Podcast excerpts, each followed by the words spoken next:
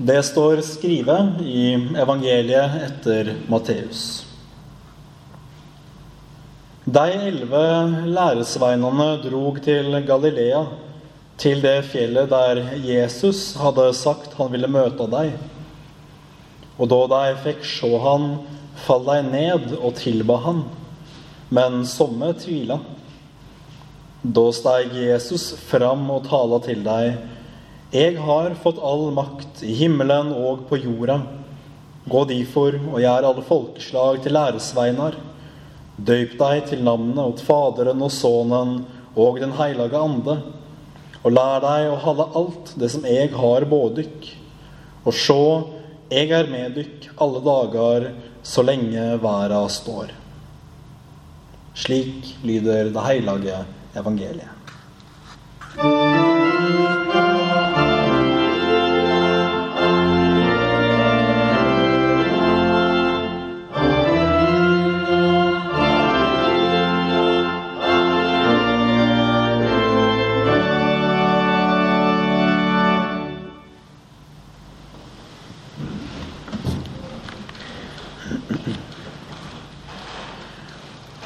Troen på den treenige Gud er ikke ukomplisert. Den er vanskelig, ja, om enn umulig, å forstå med sin fornuft. Likevel så er det en sann lære som er godt bevitnet i Bibelen, og som Kirken alltid har bekjent. Fordi den er vanskelig å forstå, så blir denne læren om treenigheten ofte angrepet. Både innenfra og utenfra Kirken. Derfor skrev de gamle kirkefedre ned en trosbekjennelse med et særlig blikk på dette. Det er den trosbekjennelsen vi kjenner som den atanasianske trosbekjennelse. Noen av dere har kanskje allerede lagt merke til at den står på arket deres. Det er i en eh, nynorsk oversettelse. Jeg skal eh, lese det, det som er den, eh, den bokmålske oversettelsen som en innledning til denne prekenen. Fordi det er nettopp i dag, på treenighetssøndag, at denne bekjennelsen virkelig kan få skinne. For enhver som vil være frelst, gjelder det fremfor alt å følge den felles kristne tro. For enhver som ikke har bevart denne troen hel og utskadd, vil uten tvil gå til grunne i evigheten.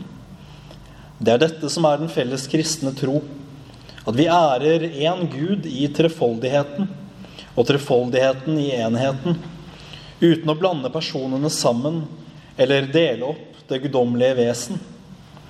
For Faderen er en person for seg, Sønnen er en annen person, og Den hellige ånd er en annen person. Men Faderens og Sønnens og Den hellige ånds guddommelighet er én, med den samme herlighet og samme evige majestet. Slik som Faderen er, slik er også Sønnen, og slik er også Den hellige ånd. Faderen er ikke skapt, Sønnen er ikke skapt, og Den hellige ånd er ikke skapt. Faderen kan ikke måles, Sønnen kan ikke måles, og Den hellige ånd kan ikke måles. Faderen er evig, Sønnen er evig, og Den hellige ånd er evig. Og likevel er det ikke tre evige, men én evig. Slik det ikke er tre som ikke er skapt, og heller ikke tre som ikke kan måles, men én som ikke er skapt, og én som ikke kan måles.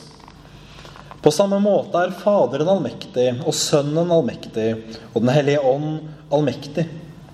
Og likevel er det ikke tre som er allmektige, men én som er allmektig. Slik er Faderen Gud og Sønnen Gud og Den hellige ånd Gud.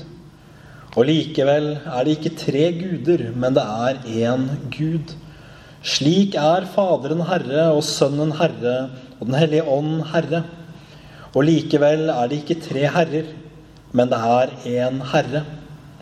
Slik den kristne sannhet driver oss til å bekjenne hver enkelt person for seg som Gud og Herre, slik hindrer den felles kristne religion oss å snakke om tre guder eller herrer. Ingen har laget Faderen eller skapt ham eller født ham.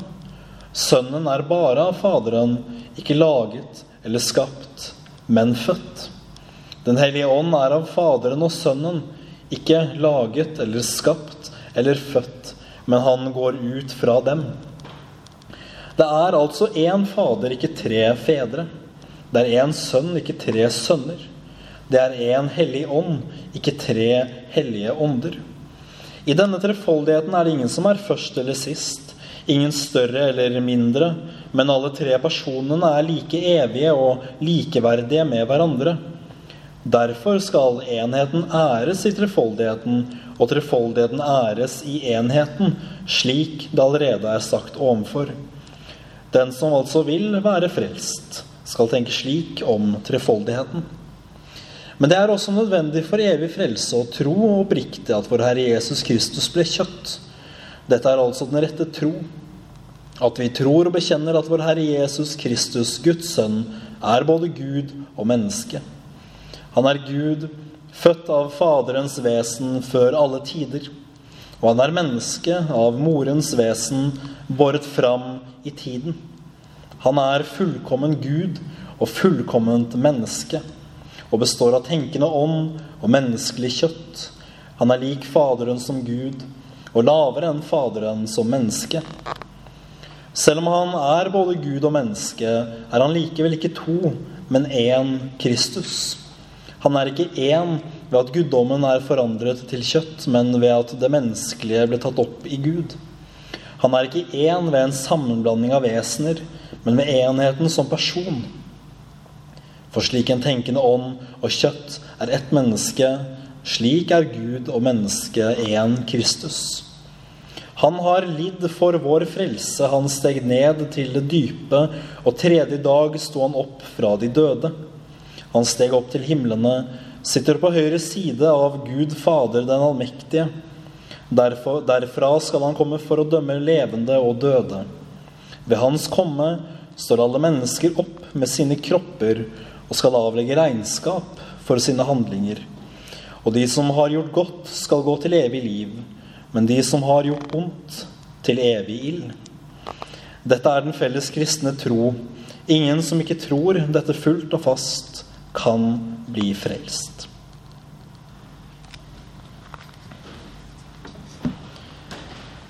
En lang bekjennelsestekst som på en mildt sagt utbroderende måte legger ut læren om den hellige treenighet.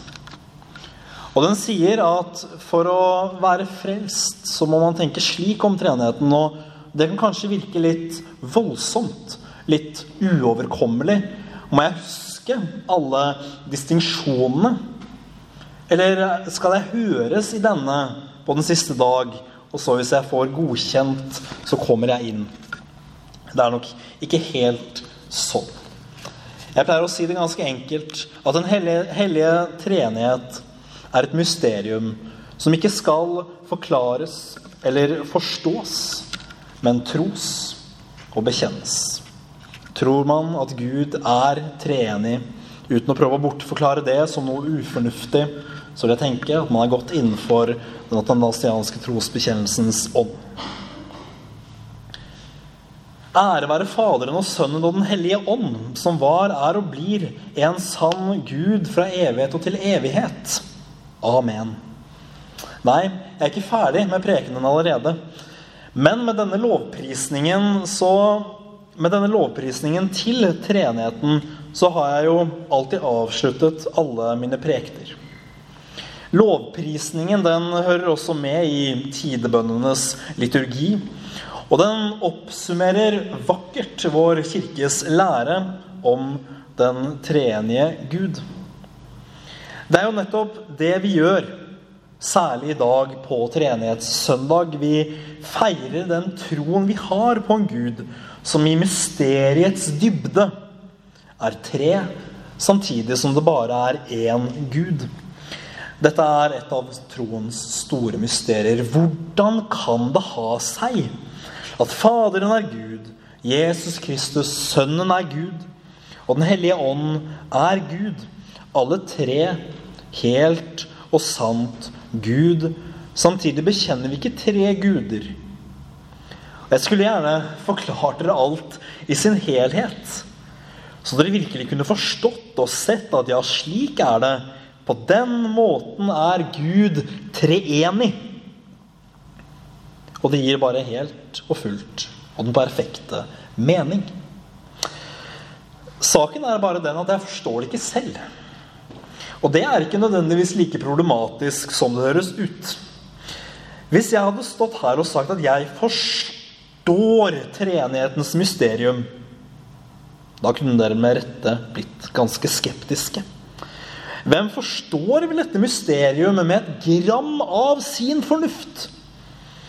Så er det også slik at de aller fleste forsøk på å forklare treenigheten ender opp i en eller annen form for vranglære.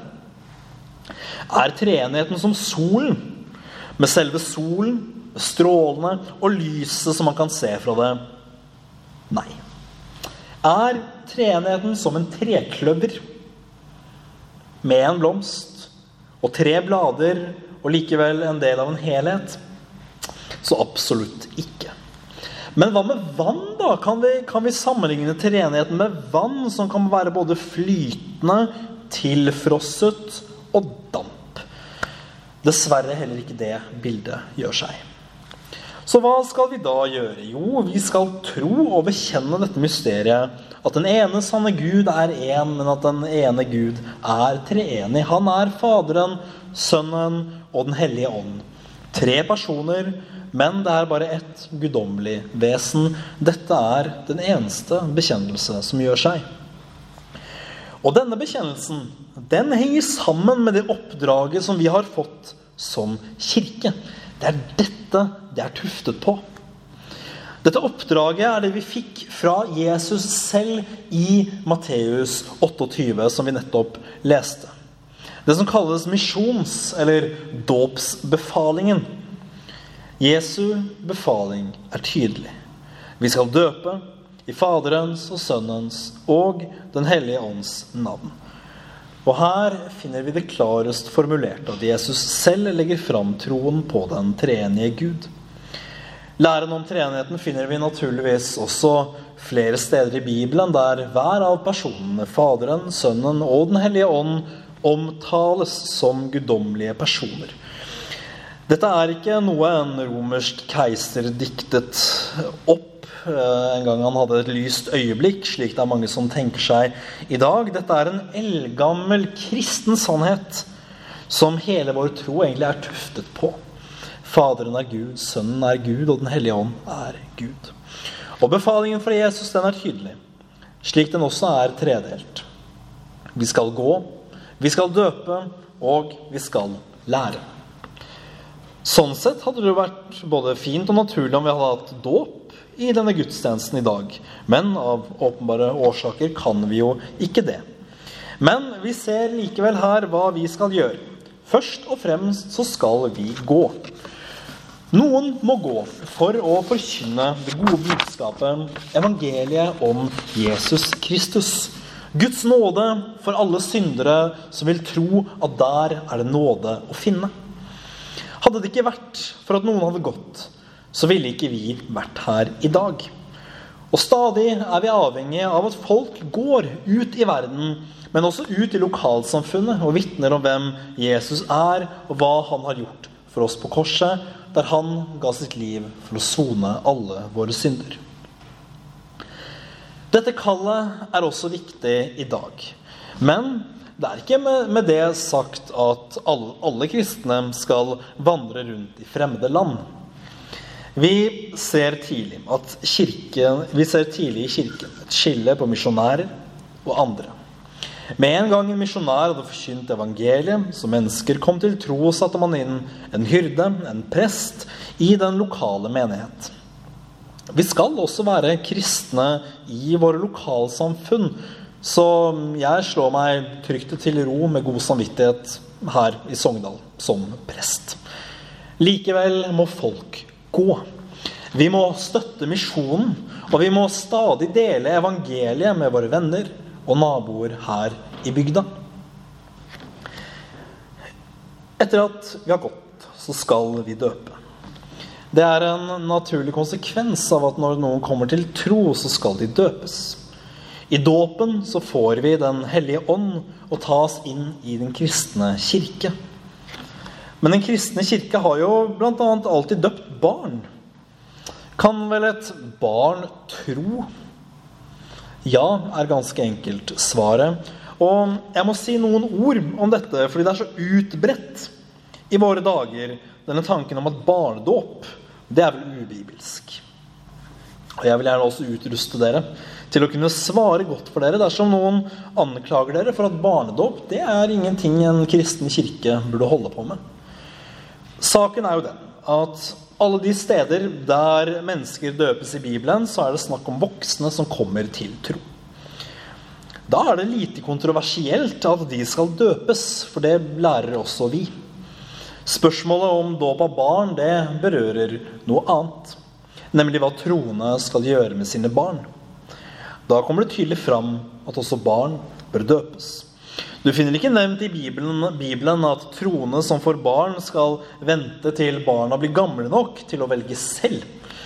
Det du derimot finner, er dåpen, bl.a. omtalt som omskjærelsens arvtaker hos Paulus, samt at det faktisk er frelse i dåpen i 1. Peters brev, kapittelet etter det Arne leste. Det betyr ikke at de som ikke er døpt, aldri kan frelses. Vi vet ikke hva Gud vil gjøre med tanke på det, men vi vet på den positive siden at det er et løfte knyttet til det å være døpt. Dessuten, når man leser den eldste kristne litteratur utenom Bibelen, så finner man sikre tegn på at barn ble døpt, og man kan regne med at apostlene selv også døpte barn. Da skal det stå hardt til å bevise at barndåp er ubibelsk. Men vi forkynner ikke dåp uten tro, for troen den hører også med. Men troen, hva er det? Det er vel ikke egentlig noe annet enn å gripe det løftet som gis i dåpen. At Gud vil ta oss til nåde og tilgi oss alle våre synder. Denne tro er det Den hellige ånd som skaper gjennom ordet forkynt og sakramentene utdelt. Når og hvor Gud vil. Når vi har døpt, om det er før eller etter at noen har nådd et veldig bevisst stadium i livet, så skal vi lære dem. Og hva er det vi skal lære dem? Jo, det er jo nettopp det Jesus holder fram, alt det han har befalt oss. Hele evangeliets fylde og råd til omvendelse og syndenes forlatelse. Og da ser vi også hvordan Guds frelseshandlinger spiller seg inn i noe vi kjenner igjen, den hellige treenighet. Det er Gud Fader som har skapt oss, Jesus Kristus som har frelst oss, sonet våre synder, og, blitt, og vi blir tatt til nåde hos Faderen når vi tror på Sønnen. Og det er Den hellige ånd som kaller oss til denne tro, og skaper den i våre hjerter. Ånden vil også styrke oss og Utruste oss i denne ene sanne tro. Og dette er et godt og sant løfte. Og langt og er langt på vei det Jesus lover oss også i dagens evangelietekst. At han vil være med oss alle våre dager inntil verdens ende. Og når enden kommer, skal han ta oss til seg, og vi skal leve i evig glede og salighet med vår Gud i himmelen. For en nåde og for et løfte. Dette er den sanne kristne tro som er overlevert oss, og som Kirken har bekjent til alle tider. Ære være Faderen og Sønnen og Den hellige ånd, som var, er og blir en sann Gud fra evighet og til evighet. Amen.